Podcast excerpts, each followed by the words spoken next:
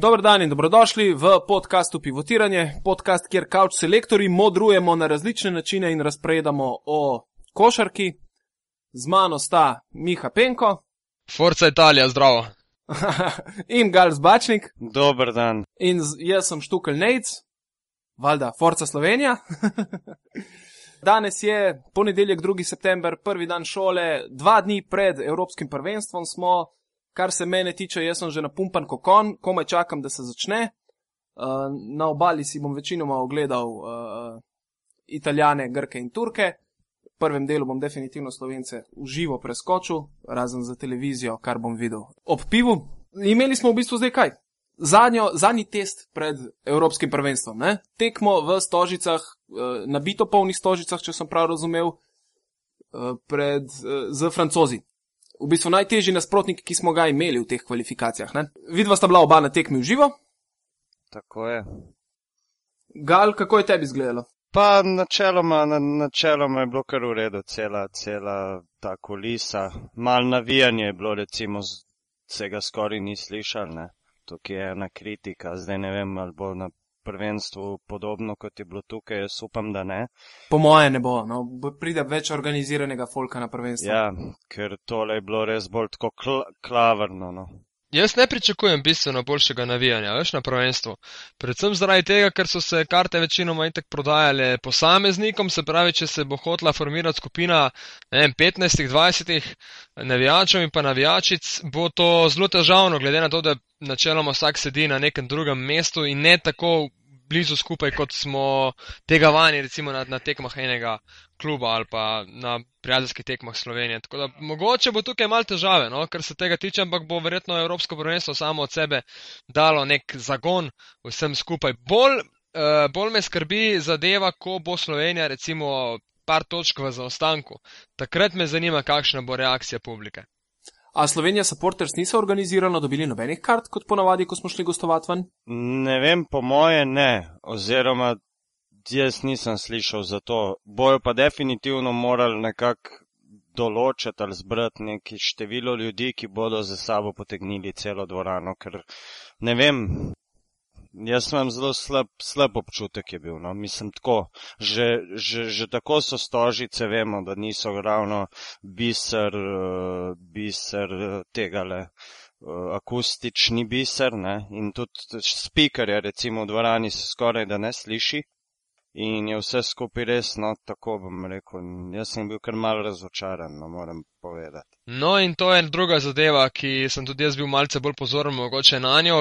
Res me je zanimal ta zadnji preizkus stožic, ne samo na parketu, ampak tudi vso dogajanje ob igrišču.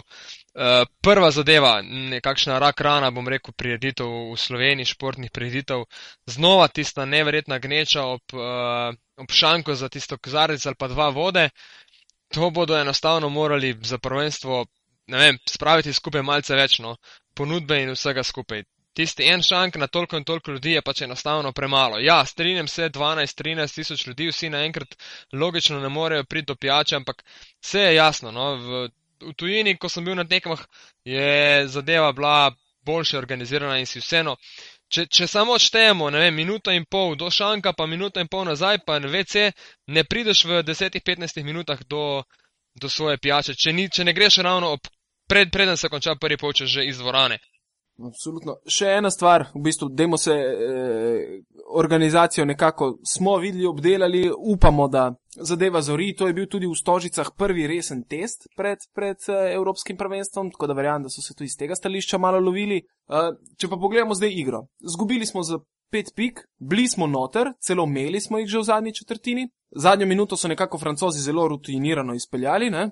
Ja, predvsem so ful dvign, predvsej dvignili nivo obrambe. Uh, v sami raketi in pa v napadu je seveda Tony Parker. V, mislim, da ravno v za, vseh zadnjih, ne vem, pet napadov vzel žogo v svoje roke in skreiral bodi si uh, sep, uh, recimo dva prosta meta, ki jih je metal 8-8, bodi si soigravcem lepo pozicijo za met. Tako da je v bistvu Tony Parker na koncu rutinirano tekmo pripeljal v francosko korist. No, se, meni se pa zdi, da je to bil idealen poraz, ne. Uh, meni se zdi pet točk, jaz sem upal celo na sedem ali pa devet točk, kar pomeni, da nas nihče ni razbil razen tistega gostovanja, ampak tudi da okusiš recimo Grenkovo poraza pred 10 tisoč, 12 tisoč gledalci na domačih tleh, ker se nam na teh pripravah uh, ne na zadnje še ni, še ni zgodilo. Uh, In je najbrž ta zadeva lahko samo pozitivno vpliva na vse skupaj. Tudi Bože Malkovič je v intervjujih v zadnjih dneh uh, govoril oziroma predstavil, da fantom vse čas na sestankih, da jih opozarja na to, da bo prišel poraz in da takrat ne smejo jokati, ne vem, en drugemu na ramenu, ampak strniti vrste in da se bo takrat pokazalo, kdo je pravi in kdo ni pravi. Se, se, se pravi, če strnem tisti karakter eh, ekipe. Ja, se načeloma nobena ekipa ni tukaj prikazala nekega odličnega obraza, ne. Niti Francija, niti Slovenija, moramo biti odkriti, ne. Tako da tole, tale tekma je bolj tako, ne vem, koliko jo lahko jemljemo za nek resen tale zadnji test. Ker je, sem dobil tudi občutek, da je sami igravci niso tako pač vzeli. Se pač vzel kot nek ne bodi ga treba varianto tik pred prvenstvom, da se pač nekaj odigrano. Vsi so malo občutek. pazili, da se ne poškodujejo, v bistvu, ker se veliko krat zgodi lih ta smola, da se poškoduješ na zadnji tekmi pred prvenstvom. Ne? Ja, verjetno podzavestno je to sigurno ne vključeno vse skupaj, ampak Vidmar je potekmi dejal, da so šli na polno in da ni bilo hudih špekulacij, ampak kot pravim, podzavestno najbrž ostane. Komu pa ne bi, se je verjetno tudi publiki in gledalcem ostalo malce to, aha, to je naš zadnji preizkus, potem bo šlo pa za res, se vsi že pričakujemo to Evropsko prvenstvo.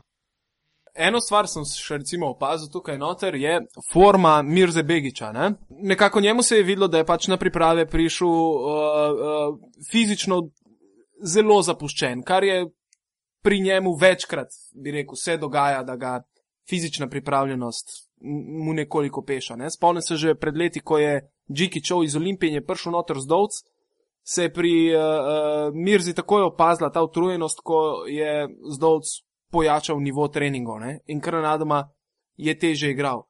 Zdaj me zanima, ali je pri njemu to res vprašanje stopnjevanje forme ali je enostavno mogoče preobremenjen, pa ni enostavno tak tip igralca, ki bi reagiral uh, dobro na, na tako zgoščene treninge. Rabi preveč časa za regeneracijo, kaj je z njim? Ker vidim ga, da po terenu v bistvu težko gre. Ne? Vidiš ga, da, da, da, da počasi zgalopira, hitro ostane brez sape, fizične moči mu zmanjkuje in to nekako se mi zdi, da še vedno ni ta mir za Begič, ki ga pričakujemo. Zdaj ne vem, ali lahko on v desetih dnevih tako dvigne to formo, da bo mir za Begič pravi, ko bojo izločilni boji. Sigurno je videti to, to smo se ravno s kolegi pogovarjali na tekmi, praktično cel prvi polčas. Ne? On se v dveh minutah utrudi, da mu vidiš izraz na obrazu, da enostavno ne more več. Ne? In potem pade koncentracija, ni pravega tajminga za skok, more recimo še trikrat skočiti za eno žogo, recimo s francozom, ne nižjim, ki mu konkurira v skoku in se še dodatno izmuči in potem to nekako v dveh, treh minutah je v glavnem on uh, izmučen. Jaz zdaj ne vem, kje je tukaj, tukaj uh, razlog, je pa verjeten vsega pomalem. Ne? Ta slaba pripravljenost, uh, s katero je prišel na priprave, malo manjša minutaža pri Realu skozi celo sezono, je na vse zadnje le igral 10-15 minut na tekmo ne? in še morda, ne vem, njegova konstitucija sama in vse to skupaj, ne vem, pride do. do Do tega. Čeprav se mi v Litvi, recimo, ni zdel tako utrujen, tako hitro. Ne? Sploh ne, v Litvi so ga zelo dvignili gor. Mihati uh, Ja, mislim, podobna zadeva. Jaz sem tudi jaz opazil, da mogoče ni tako poleten, kot bi za te priprave zdaj nekako pričakovali, kot recimo vidimo, kako se je stopnja uh, dvigovala recimo pri Gogiju Dragiču. Od prve do zdaj zadnje tekme je zadeva šla samo na vzgor, pa njemu mogoče malce drugače, kar je verjetno tudi malo običajno za te visoke košarkarje. Tisti nižji vseeno pridejo laže do neke poletne forme, višji pa vemo, Poleg tega pa mislim, da je on imel tudi nekaj težav s poškodbo vmes, eh, bolečine v hrbtenici, kar je spet neka zadeva, ki je zelo uh, pogosta pri visokih košarkarjih. In jaz upam sicer, da bo za tistih, kaj pa vem, slabih 20 minut, igre že nared in če bo drugih 20 pokrpal Vidmar na tak način, kot je igral na teh pripravljalnih tekmah, je zadeva, mislim, da čisto v redu pokrita, kolikor ne prije do dodatnih poškodb na poziciji 5.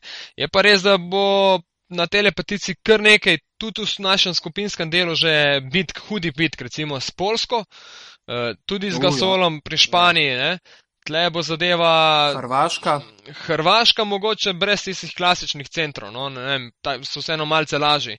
Uh, Ante Tomič bo igral malce bolj, recimo, proč od obroča, no, ne toliko, ne toliko na moč v sami sredini, kot so igrali francozi. Tukaj je bila razlika očitna na vseh pozicijah, se pravi, večje, daljše, uh, močnejše roke, ramena, noge, tanjše po drugi strani, ne, povsem atletski tipi košarkarjev. Uh, In to se je tudi poznalo in videlo, očitno no, videlo. Mene je fasciniral Ažonsa, ne recimo. Ob pogledu na njegove roke, ki segajo skoraj do kolen, ko on stoji, uh, je res uh, impozantno in v kombinaciji s temi zares, zares suhimi nogami. Ne? In v bistvu v višino ima 2,15 in, in nekako naši, naši košarkari niso, niso, niso šli glih sproščeno v te prodore, kot smo jih videli. In tudi zato uh, morda nismo dosegli to točki sproti napadov, ker francozi so hitri, hitro so se vračali, tudi beki recimo in skočni so in je res, res težko in jih kaznovati v kontri. Ne? Mene je zelo spominjal uh, Ažonsa na Bonija Andonga po sami Ja, konstituciji. Ja, v Ja, najboljših pravi, letih. Ja. Ja, v najboljših letih, ok, ravno tako. Zelo, zelo tanke noge, eh, skočen, hiter. Tako da francozi, tako kot smo že govorili v prejšnjih srečanjih, bodo na tej fizični moči, mislim, da najbolj pripravljena reprezentanca na tem prvenstvu. Sigurno. Čeprav vidim, da proti francozom smo še vedno precej skrivali, ne? nekako cone, nismo veliko predstavili, kar mislim, da bo proti francozom verjetno glavno orožje, orožje. fizično jim je težko parirati, ena na ena, ne? Eh, Mene je navdušil skok naše reprezentance, eh, ki smo ga dobili, ja, mislim, da 39 proti 37, ravno imam odprto pred sabo. Eh, Malkovič je sicer po tekmi govoril o tem, da je potrebno popraviti ofenzivnih skok. Imeli smo 13 napadalnih skokov, na drugi strani francozi 10. Torej, tule nismo eh, zgubljali, smo imeli pa izjemno slab met, predvsem v prvem polčasu. Statistiko s tekme sem si tudi nekje shranil, ampak nimam tole pred seboj. Ampak mislim, da smo v tretji četrtini potem met za dve točki dvignili do te mere, da smo zadeli sedem uh, metov iz osmih poizkusov. V prvih dveh četrtinah pa metali za dve točki okrog 25 odstotno. Ob zelo slabi trojki, mislim, da tudi okrog 15 ali 16 odstotkov v prvem polčasu, se pravi katastrofalno in kljub temu smo bili eh, več kot v igri proti Franciji. ja, pa tudi recimo mnogo zicerjev je šlo mimo. Ne?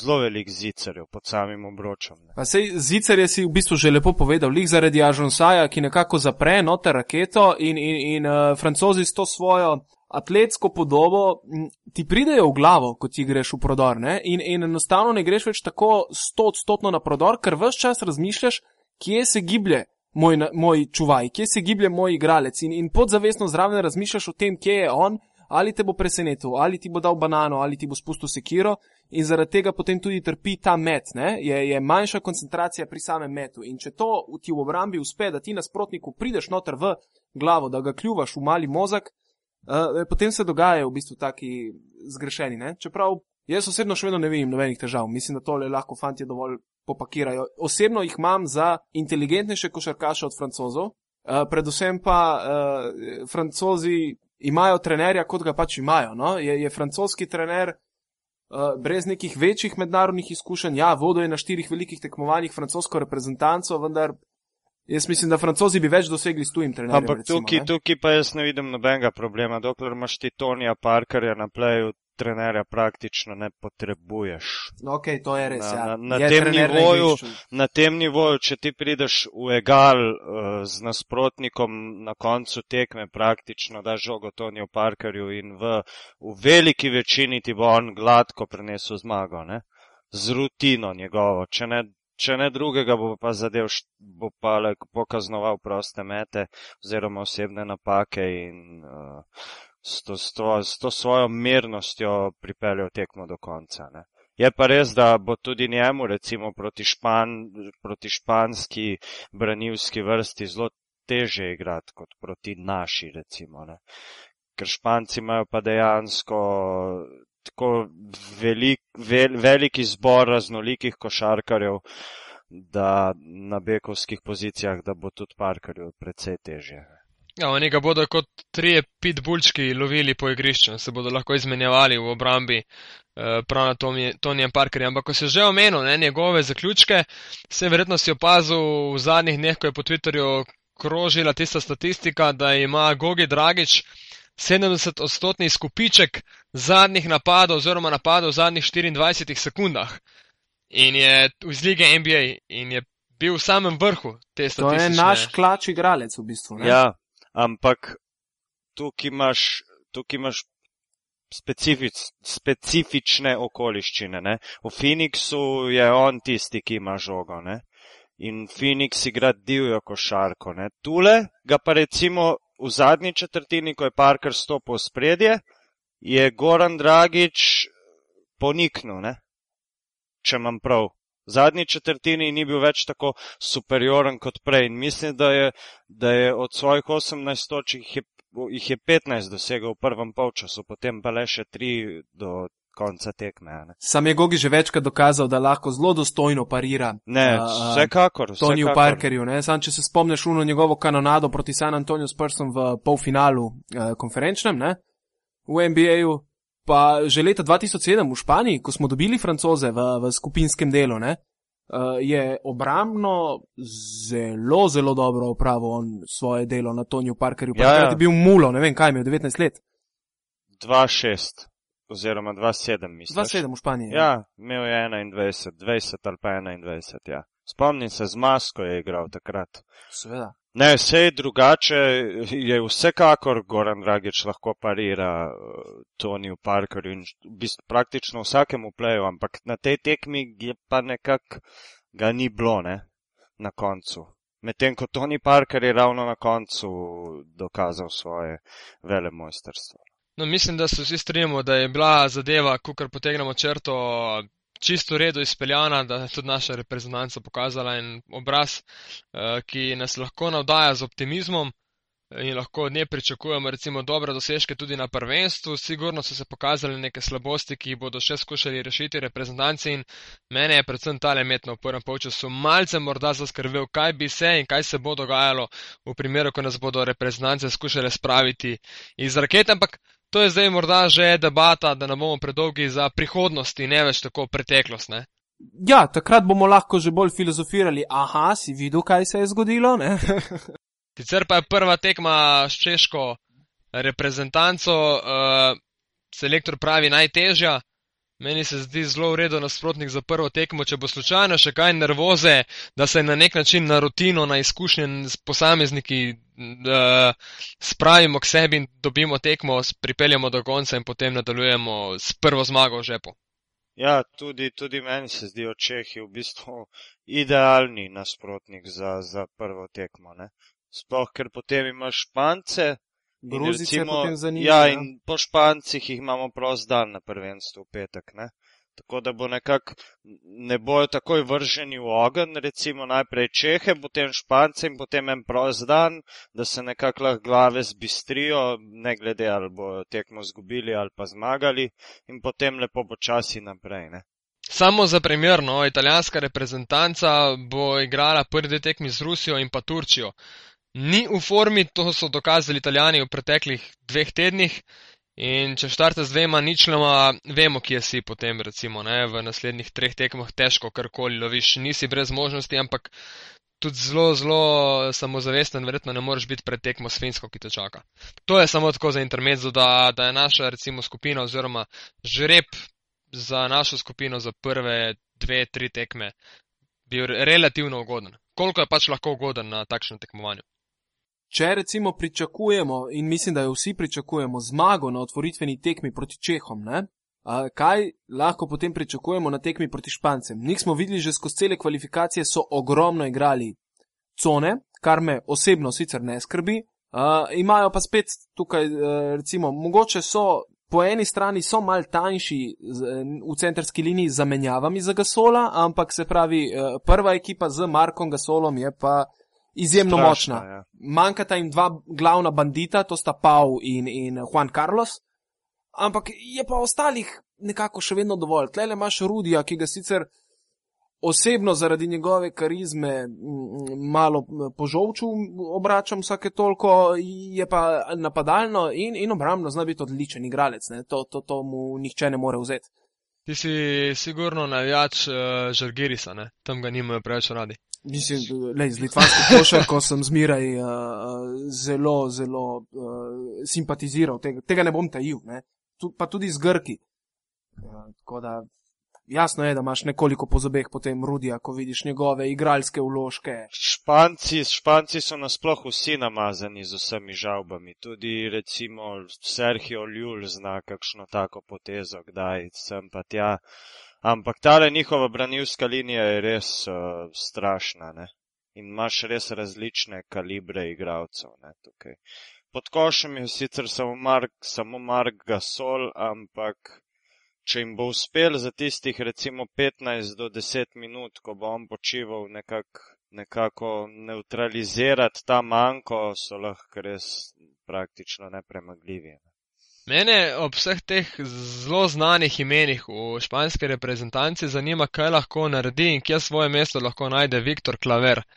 Košarkar, ki je veljal za zelo obetavnega, zdaj je star že kakih 26, 25 let. Uh, me zanima, če bo, če bo uspel izboriti neko svojo določeno minutažo ob teh zares odličnih košarkarjih. Mislim, imena so neverjetna v španski selekciji, kljub temu, da niso recimo vsi zbrani. Ja, jaz nekako se v bistvu špancev v eh, tele prvi skupini naši se jih najbolj bojim, mogoče tudi Hrvatov, ker od njih ne vem, kaj pričakovati. Pripravljalno obdobje so mal slabše odigrali, ampak kadar se igra tekma medsosedska, eh, dnev, v bistvu forma do takrat ne, Ne šteje velja nič. Ne? nič, ja. Je, to, je to tekma za sebe čisto. In, in, in Hrvati so že večkrat dokazali, da tudi ko slabo igrajo, znajo proti Slovencem in proti Srbom odigrati fantastično. Ne? Ja, pa tudi Špance imamo recimo že takoj drugo tekmo in morda bodo oni še mal kalkulirali, ne, recimo nekako stopnjevali to svojo formo in bi se, ne moramo reči, da so popolnoma nepremagljivi zdaj, ne.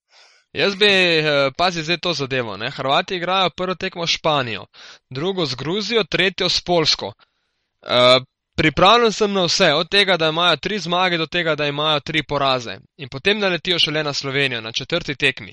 Glede na njihovo stanje v reprezentanci, ki očitno vse čas iščejo neke notranje, zunanje nasprotnike, samo da se postavijo na dva ali pa še več bregov, se ne bi čudil, če bi na tri četrt že razpadali pred tekmo Slovenijo. Sicer ne, da jim to priželim, uh, ampak se pravim, prve tri tekme za njih ne bodo tako zelo enostavne. Mislim, štarta Španijo recimo s porazom, če vsi sodimo med favorite, imaš Gruzijo in Polsko, Poljaki prek Gortota napovedujejo medaljo, Gruzici si želijo napredovanje, torej zelo, zelo neugodna zadeva in potem je lahko tekma Slovenijo ali rešilna bilka za njih, da še ostanejo v igri, na zadnje imajo še Čehe, ali pa tekma, ko jih še ti poraziš in zaključijo zadevo eh, na prvenstvu Sloveniji. Nič me ne Ostali bi so brez presenetilo. Marka Tomasa, ne? Ja, nič me ne bi presenetilo. Uh, bolj kot me je presenetila izjava Repeša, da je zdaj to šok in da, uh, da je on nek ključni igralec reprezentance in tako dalje. Ker če je Tomas tisti košarkar, uh, ki te tako vrže iz tira, potem mislim, da nimaš kaj iskati više od četrt finala. Bi se kar strinjal, v bistvu. Ne? Mal provokativno, ampak ja, se strinjam. No, mislim, vse kakorkoli, ali se ali ne, pač tvoja stvar. Meni se zdi, da pač, uh, se pravi, do četrt finala lahko, zdaj pa če, če je to zadeva, ko jo boš potem, potem ti vlekel na, na glas dalje, da je to zadeva, ki ti je porušila vse načrte, mislim, enostavno na tak način. Dvomim, da si pravi, da nekaj narediš. Imajo pa sigurno dovolj talenta in v obrambi in v napadu, dovolj košarkev, ki znajo igrati košarko, ampak očitno nimajo tiste karizme, kot so jo imeli vatreni, ne. V marsikaterem drugem športu in v košarki. Enostavno oni, ne samo oni, tudi hrvaški mediji morda, vedno se išče na sami zvezi, na, na košarkarski zvezi, vedno se išče neke nasprotnike, neke zadeve, da se ruši nek koncept in tako naprej. In repeša in bije neke bitke skozi medije, takšne in drugačne, z razno raznimi ljudmi, ki se, ki se oglašajo in podajo neke izjave v zvezi z reprezentanco. Ja, pri njih je situacija zelo taka specifična. Ne? Vse smo že v prejšnji, v prejšnji epizodi se malo dotaknili tega. Tako da ne bomo še, ne, jaz ne bom še enkrat pogreval. Je pa ja, tako kot si rekel, po prvih treh tekmah lahko jim damo tri nič, lahko jim damo pa nič tri. Ne? Čisto vse je mogoče. Uh, se pravi, potem po Hrvatih imamo še tekmo s Polsko, ki si že sam Miha povedal, želijo jo rišati na medaljo z Gortatom in Lampejem. Ne? Ja, one dva sta pod košem res. Uh... Čeprav jaz mislim, da razen centrske linije Poljaki spet nimajo kaj veliko potem za pokazati. Ne? Ja. Centrska linija je močna, zdaj uh, selektorje imajo bivšega nemškega selektorja Dika Bauermana ne? in uh, jaz osebno jih pač ne štejem med prvih osem kandidatov. No? Bojo pa definitivno neugoden nasprotnik, ker naj se sliši že tako zlajnano, da vsak zna igrati košarko dejansko na tem prvenstvu, če odštejemo zdaj že zelo mizerne velike Britance, ki se jim je porušil koncept grajenja reprezentance za olimpijado in Nemce, ki so zelo zdesetkani, še celo Finci znajo kaj pokazati, ne? Švedi so mi pa res neznanka, no. Niti ene pripravljalne tekme švedske si nisem ogledal, tako da si ne upam nič reči. So pa švedi, mislim, da med prvimi ali celo prvi od reprezentantskih igrajo na obali pripotovali v Koper. Ja. Valjda so šli še malo v Gavioli. Ja. Očitno zelo pogrešaš, ne? ker ga vedno omenjaš. Ej, ve, veš, da še nikoli v življenju nisem bil v njemu. No. Ja, pa pa obvezno moraš iti. Ne? no, polska reprezentanca ima še Kelatija, Košareka, Zamojskega, od teh mal bolj poznanih in pa Mateoša Ponitko. Eh, Res, da so na centrski poziciji, mislim, zelo, zelo močni, na drugih pozicijah malce manj, ampak eh, pustimo se presenetiti. No. Vedno je reprezentanca, vedno je tudi kakšen košarker, ki preseneti in zakaj ne bi bila Poljska tista, glede na to, da je Gortat jasno in glasno povedal, da ga nihče ne more ustaviti in da gredo po medaljo, da je bilo dovolj eh, mest po, po petem, šestem mestu, ampak da je zdaj čas za odličje. Ja, mislim, jaz njih vidim tukaj, da bi lahko zagrenili mogoče življenje. Bodi si tudi Sloveniji, ampak lahko pa tudi ne, ne. Ampak recimo, da oni bodo njih vidim tako za, za Španijo, Hrvaško in Slovenijo, si jih nekako vidim njih, no. Tukaj, da bi se nekako lahko borili za to tretje mesto, čeprav vprašanje, če jim bo uspelo. Ja, lahko se zgodi, zdaj res odvisno je, kot ste že prej rekli, kako bojo Hrvati odreagirali. Ne? Uh, ker lahko se celo zgodi, res, da ne pridejo iz skupine, če tako pogledaš. Jaz osebno mislim, da Španija in Slovenija imata zagotovljen uh, uh, izhod tukaj ven iz skupine, zdaj pa za ostalo, pa ostali se bojo pa stepli za to tretje mesto. Ne? Hrvati po kvaliteti po imenih definitivno imajo kvaliteto, da so pred Gruzijo in Polsko. Tukaj mislim, ni dileme. Zdaj vprašanje, kako bojo to kvalit kvaliteto znali transformirati v samo igro, koliko se bojo zbrali na koncu. Ne? E, koga ste še pogledali, recimo, od teh pripravljalnih tekem, da jih lahko štejemo med favorite? Če pogledamo nekako, da so francozi eni izmed glavnih favoritov za zlato, jaz osebno mislim, da so tudi Grki tukaj. Ja, se vsi omenjajo ta četvorček, ne? Grčija, Francija, Španija in Litva, ne, nekako. Uh, Litva je zelo suvereno odigrala, odigrala pripravljalne tekme, tako da vprašanje, kaj lahko tudi od njih recimo pričakujemo, ne? ampak definitivno so te štiri ekip, ekipe nekako malček pred vsemi, ne? ta hip. Ja, pri Litvi jaz vidim ta problem, ne? da so nekako pravega, tistega dominantnega playmakerja, kot je recimo prej bil Šarunas Jasikevičius, nimajo. Uh, izjemno močni so pod košom z Linasom Klejzo in, in Jonasom Valančunasom, Montejunasom in bratom Lavrinovič. Mislim, to, če pogledaš, je peklenska raketa. Ne? In, uh, ok, zmagali so vse pripravljalne tekme, zadnjo so zgubili na turnirju Akropolis, ki je pa zmeraj zelo specifična. Grki si zmeraj organizirajo tik pred odhodom na prvenstvo ta turnir Akropolis.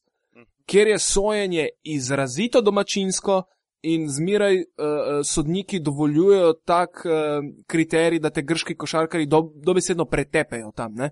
Ja, in so tudi Litovce pretepli z 80 proti 62. Ja, ja. Jaz se spomnim Slovenija, ko je igrala na Akropolis Cupu, takrat še pred eh, svetovnim prvenstvom. Mislim, da so nas pretepli za 30 pik in dobesedno so se naši na koncu pazili samo, da se ne bojo poškodovali, ker je bil kriterij popolnoma nečloveški. Ne? Zdaj, ena taka, prav bi rekel, m, m, balkanska spletka za predkonec, da jim jih ubiti v pojem in sojenjem in z vsem, mi pa sebi dvignemo samozavest pred odhodom na prvenstvo. Čeprav mislim, da so grški košarkaši konec koncev tako izkušeni in pametni, da niti ne bi potrebovali več tega. Tle je verjetno bolj stvar folklore. To je zveze, to je tudi dvorezen meč po eni strani, če imaš ti preveč domačinskega sojenja na, na, na prijat, pripravljalnih tekmah. Ne? Ker slej, ko prej pride prvenstvo, kjer pa domačinskega sojenja, razen za dejansko tistega, ki je domačin, ni, ne. Pa tudi za njega ni nujno, ne. In je hitro lahko padeš na realna tla, ne. To so tudi za Slovenijo opozarjali, ne. Da, da so nam pač sodniki recimo mogoče mal preveč domačinsko sodili in da bi nas to lahko potem teplo na samem prvenstvu, ne, kjer pa tega domačinskega sojenja jaz ne pričakujem v taki meri, da bi nam pomagali recimo do preobrata na eni tekmi. Dobro, Litva je na prijateljskih tekmah dobila skoraj vse z izjemo ene, ne? kar je bil tudi najboljši dosežek. Uh, mislim, da, oziroma eden izmed najboljših dosežkov vseh reprezentanc. Samo Španija je bila tista, ki je dobila vse. Uh, dobila vse. Se pravi, Litva tik pred Slovenijo, 12 tekem, uh, v skupini med tistimi, ki so igrali največ tekem, 12 tudi še Slovenija Belg in uh, Belgija, Španija za primerjavo samo 8, neke druge reprezentance, prej smo Švedsko omenili, pa tudi Črna Gora, pa po 6 tekem v tem pripravljalnem obdobju. Mislim, da ima Litva dovolj izkušen iz preteklih prvenstv, da, da se seveda lahko upravičeno recimo nadeja nekega odličja tudi na tem prvenstvu.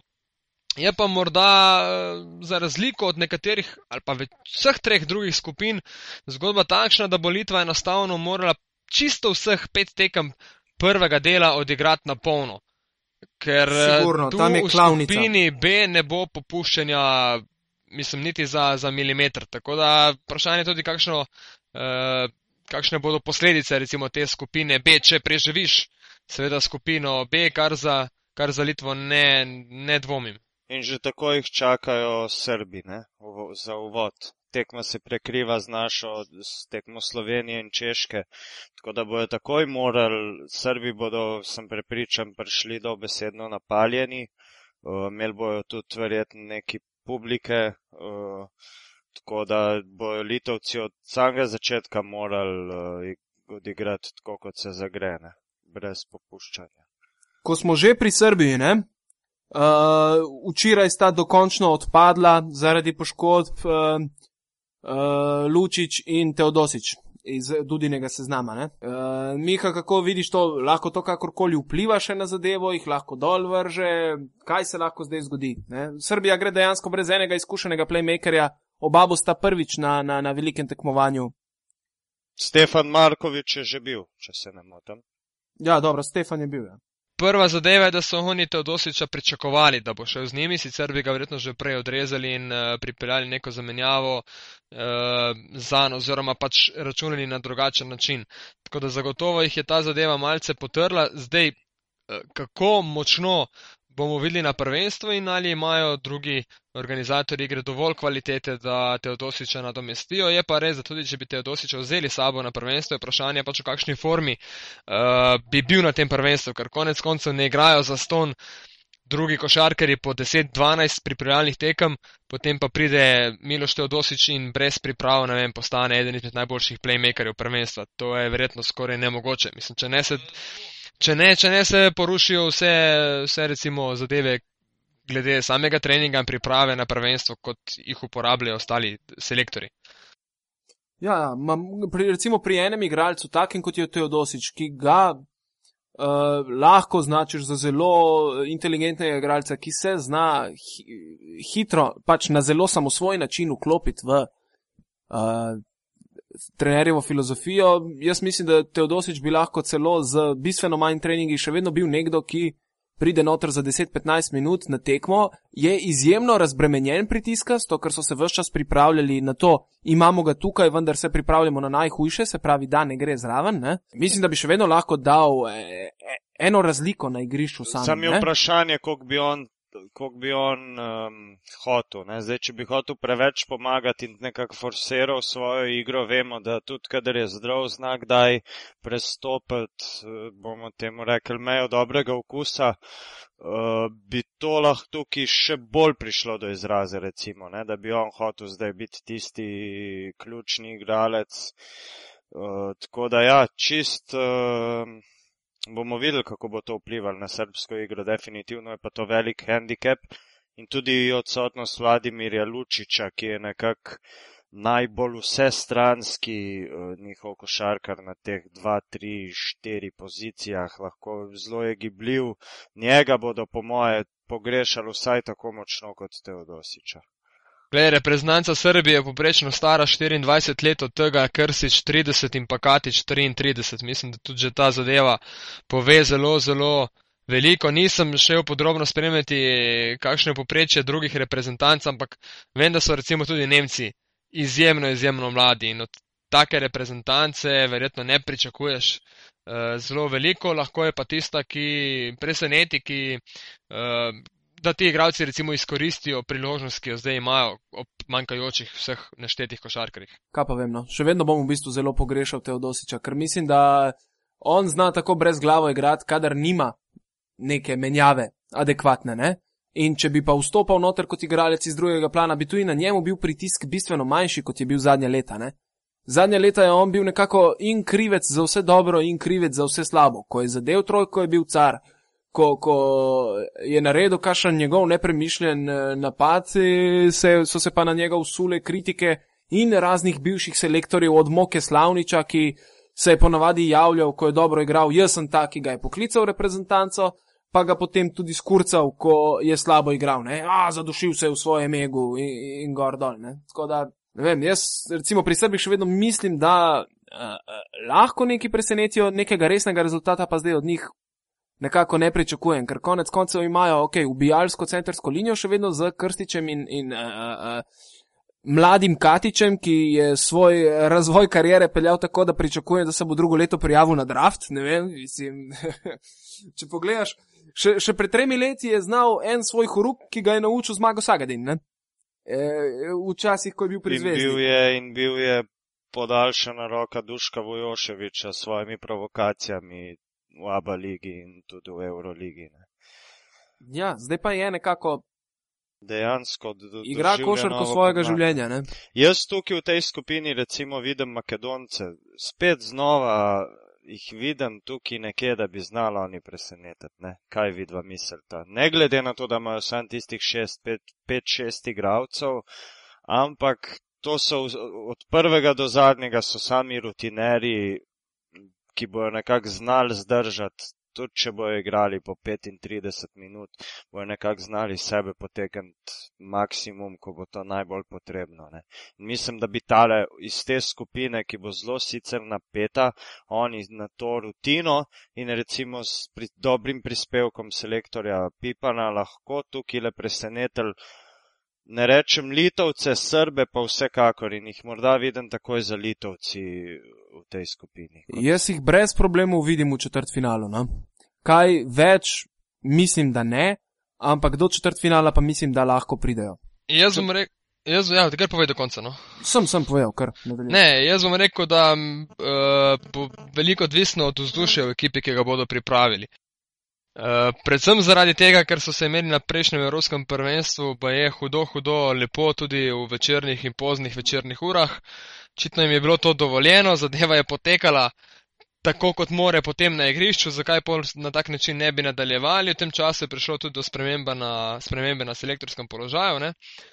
Uh, in bo verjetno malo odvisno od te njihove, recimo, euforije, če jih bo to poneslo, tako kot jih je na prejšnjem prvenstvu, ko so ustvarili ta uspeh, vsi navijači, vse, cela država, uh, ministr za šport uh, in tako dalje, vse se je potem na nek način našlo v, v tisti košarkarski selekciji iz 2011 in če jim nekaj podobnega uspe pri nas, potem lahko gredo seveda zelo, zelo daleč. Ja, sploh, če, če temu še dodamo to, da bojo imeli zelo, zelo veliko pod, konkretno podporo z tribun. Ne. Jaz sem, slišal, jaz sem slišal, da Makedoncev bo tudi kar malo morja na jesenicah, tako da ja, mislim, imajo tisto kvaliteto, ki, ki, ki lahko v določenem trenutku prevesi tehnico na, na njihovo stran, ne glede na to, koliko bodo utrujeni. Tudi v Litvi so bili utrujeni in so domačine poslali praktično domov. Ne? Torej, vem, vemo, kaj, kaj moraš imeti, da, da, da ti kaj, ta, kaj podobnega uspene. In imajo tudi najboljšega naturaliziranega košarkarja. Brez vseh dvoma. reprezentanc. Ne? Če koga naturaliziraš, potem naturaliziraš takšnega igralca, kot je Buma Caleb, ki se je očitno tudi zelo dobro vklopil v tole makedonsko klapo, če tako rečem. Uh, tudi on Gečevskega prosil, ne s Perom Antičem in pa z Vladom Miljevskim na tistem videu oziroma fotografiji na Twitterju. Uh, mislim, Povsem drugačna zadeva, kot pa pri drugih naturaliziranih, naturaliziranih košarkarjih. Pa če tukaj spet izpostavimo ročnostija, ki smo ga na zadnje že imeli po zobeh v recimo reprezentanci Črne. Ampak, ampak Gore. njega zdaj ni zraven. Ne? Ja, Tako da, ja, uh, McCaleb se je nekako tudi tekom klubske sezone v tistem nekako zgrešenem projektu Fenerbahčeja nekako ni najdu, ne, uh, kot v prejšnjih sezonah. Tukaj se mi pa zdi, kolikor sem uspel videti Makedonijo, je že meji na tistega pravega zverinskega McCaleba, tako da ga na prvenstvu pričakujem v točno taki vlogi in nič drugačni, kot je bil že v Litvi, recimo. Ja, McCaleb, jaz pa recimo imam o njemu mal drugačno mnenje od dvaju dveh. Ne? Uh, jaz osebno tlele mislim, da je definitivno ustvarjen, naturaliziran igralec za makedonsko reprezentanco. Njegova vloga je, da je tisti metek, eksploziven, mali, ki se požene noter v raketo in ga praktično dva, trije morajo skočiti na njega, da ga zaustavijo, ker njegova igra je ena na pet. Ne? Kar se pa organizacije tiče, imam pa včasih občutek, da on ne bi uspel organizirati izleta v trgovino, kaj šele igre. Ne? Ne vem, definitivno vloga, ki jo ima, eh, kot jo je imel v Partizanu, kot jo je imel v Sieni, se pravi hitra tranzicija uh, uh, v raketo, na koš, on, on gre na koš, ne glede na to, kdo mu stoji pred njim, ali mu stoji Pero Antič ali pa mu stoji Primož Brezec, vseeno mu je. Ja, in je tudi praktično edini tak makedonski igralec, ki, ki ima toliko atletskih sposobnosti, da lahko recimo v tem pogledu dela višek. Ne? Točno to, jaz pri njemu vidim tip igralca, ki ga imaš v ekipi zato, da prideš v neki oži krok kandidatov, ne boš pa z njim recimo osvojil medaljo na Evropskem prvenstvu, ne boš z njim osvojil uh, uh, Final Four v Euroligi, enostavno za, uh, za tisto smetano na torti mu pač manjka uh, sposobnosti, ki bi jih moral imeti organizator igre in to je organizacija igre. Ja, ne, sej za Makedonce, recimo za me, mene bo zelo pozitivno presenetilo, že če se recimo uvrstijo na svetovno prvenstvo. Ne. Med prvih šest, to bi bilo že za me eh, vrh optimuma. Ne. Ne, ne, ne govorim zdaj, da bi morali medaljo ne, osvojiti, ampak tako. Mislim pa, da, da, da nas bojo spet saj malček presenetili. No? Če ne prav z uvrstitvijo na koncu, pa morda s skalpom kakšne, kakšnega izmed favoritov. Skalpo bo veliko na tem prvenstvu. Ja, jaz sem eno zadevo mogoče še pozabil omeniti na začetku, eno nagradno vprašanje tudi za Vaju 2. Uh, ne vem sicer za vse reprezentance, ampak ena reprezentanca bo Slovenijo oziroma slovenskim dobaviteljem uh, in sicer teh mašnih oblek, ne, uh, rekelcev in tako, oblek za, za, za pomedaljo uh, sodelovala. Zdaj bi vaju vprašal, če upata napovedati oziroma omeniti, katera selekcija uh, je tista, ki se je odločila, da sodeluje na nek način tudi Slovenijo. Italija. Italija, Italija, mislim, da ima toliko svojih kreatorjev in da vedno na te olimpijske igre pošle takšne in drugačne manekene, v narekovajih rečeno, da bi to bilo skoraj mal, mal preveč, ne, mal prehudo, ne vem. Bolj so pa Nemci z istim kreatorjem, ki je delal Hitlerjeve uniforme. To, Gal- to je Hugo Boss, da se razumemo. Mm, Dobro, da še gal? Pa ne Ne povej. vem, jaz sem čist eh, razorožen, brez ideje. Praktično. Brez ideje, dobro, bom jaz to objavil na Twitterju, eh, potafna Miha Penko, to fotko uh, ena selekcija torej bo nosila ne sicer slovenske obleke, so uvožene iz tujine v Slovenijo, ampak gre preko slovenskega uh, podjetnika Ludvika z Rima iz prekmurja, ki zadeve torej dobavlja. Ampak bosta, bosta videla in mislim, da vaju zna morda malce nasmejati in tudi presenetiti, ker gre za enega izmed uh, boljših selektorjev ali pa bolj poznanih, pa da ne, da ne rečem celo top 3, verjetno v zadnjih nekaj letih v Evropi. Veš kaj, jaz sem Tesla, pa sem te v bistvu mal narobe razumel. Ne? Tako da eh, je moje vprašanje, moj odgovor na vprašanje se itak sliši, da je totalno butološki. Ja. Dobro, objavim to na, na, na svoj Twitter profil. Uh, Le dej, pa bomo dali še na pivotiranje profil. Tako na pivotiranje pričakujem kakšen, kakšen retweet tudi z vajne strani. A da ja, dobro. Nič. Uh, naslednjič se vidimo, se pravi, uh, naslednji torek, ko bo prvenstvo že na polno v toku. Uh, uh, Dej Miha, povej, kje se nas najde na Twitterju. Mene se bo naslednje dni našlo veliko tudi v Kopru na tekmah, malce v Ljubljani na Twitterju na Miha, kot Miha Penko. Ja, mene, jaz pa že jutr grem prvič, sem prej le videl v celje, mal preveriti, kakšna je situacija in bom tudi tam stacioniran, dokler ne bo končan prvi del. Drugače pa zbale z dvema le na Twitterju, na Facebooku, ravno tako, uh, če me pa kdo drug rab, me pa lahko v celju za rokav pocuka. To je to iz moje strani. No, jaz sem pa Tibor Jablonski, uh, danes me najdete na plaži v avtokampu v Luciji. Uh, med, med, tednom, med tednom sicer me najdete tudi na tekmah v Kopru, drugače pa bom če me boste pa po prvenstvu iskali, me pa najdete v Študgartu, v Bad Kanštatu, kjer bom uh, zraven kebab džinice pil pivo z lokalnimi pijančki. In, in debatiral, tam moram debatirati o futbalu, ker košarki pač ne vejo nič. Dobro. Okay. To je bilo za danes vse, naslednjič se slišimo, ko bo prvenstvo na polno v toku. Uh, Miha in Gal bosta vedela še kaj več povedati, kakšnih notranjih dogodivščin, ko bosta srečevala še reprezentance. Jaz bom v Portorožu prežal, ker tlele so je tudi jih veliko stacioniranih. Ne? Tako da sem zvečer uh, v, v, v slogu profesionalne špionaže potikal po kafičih, da vidim, kje ga najbolj sekajo. Ja, uh, Hano Mutale je že objavil fotko uh, koperske, recimo, uh, oziroma portoroške rive iz hotela, tako da razgled ima zelo, zelo fajn. Noč uh, naslišanje, ne? Naslišanje. Ja, Lepo zdrav. Ajde, čau.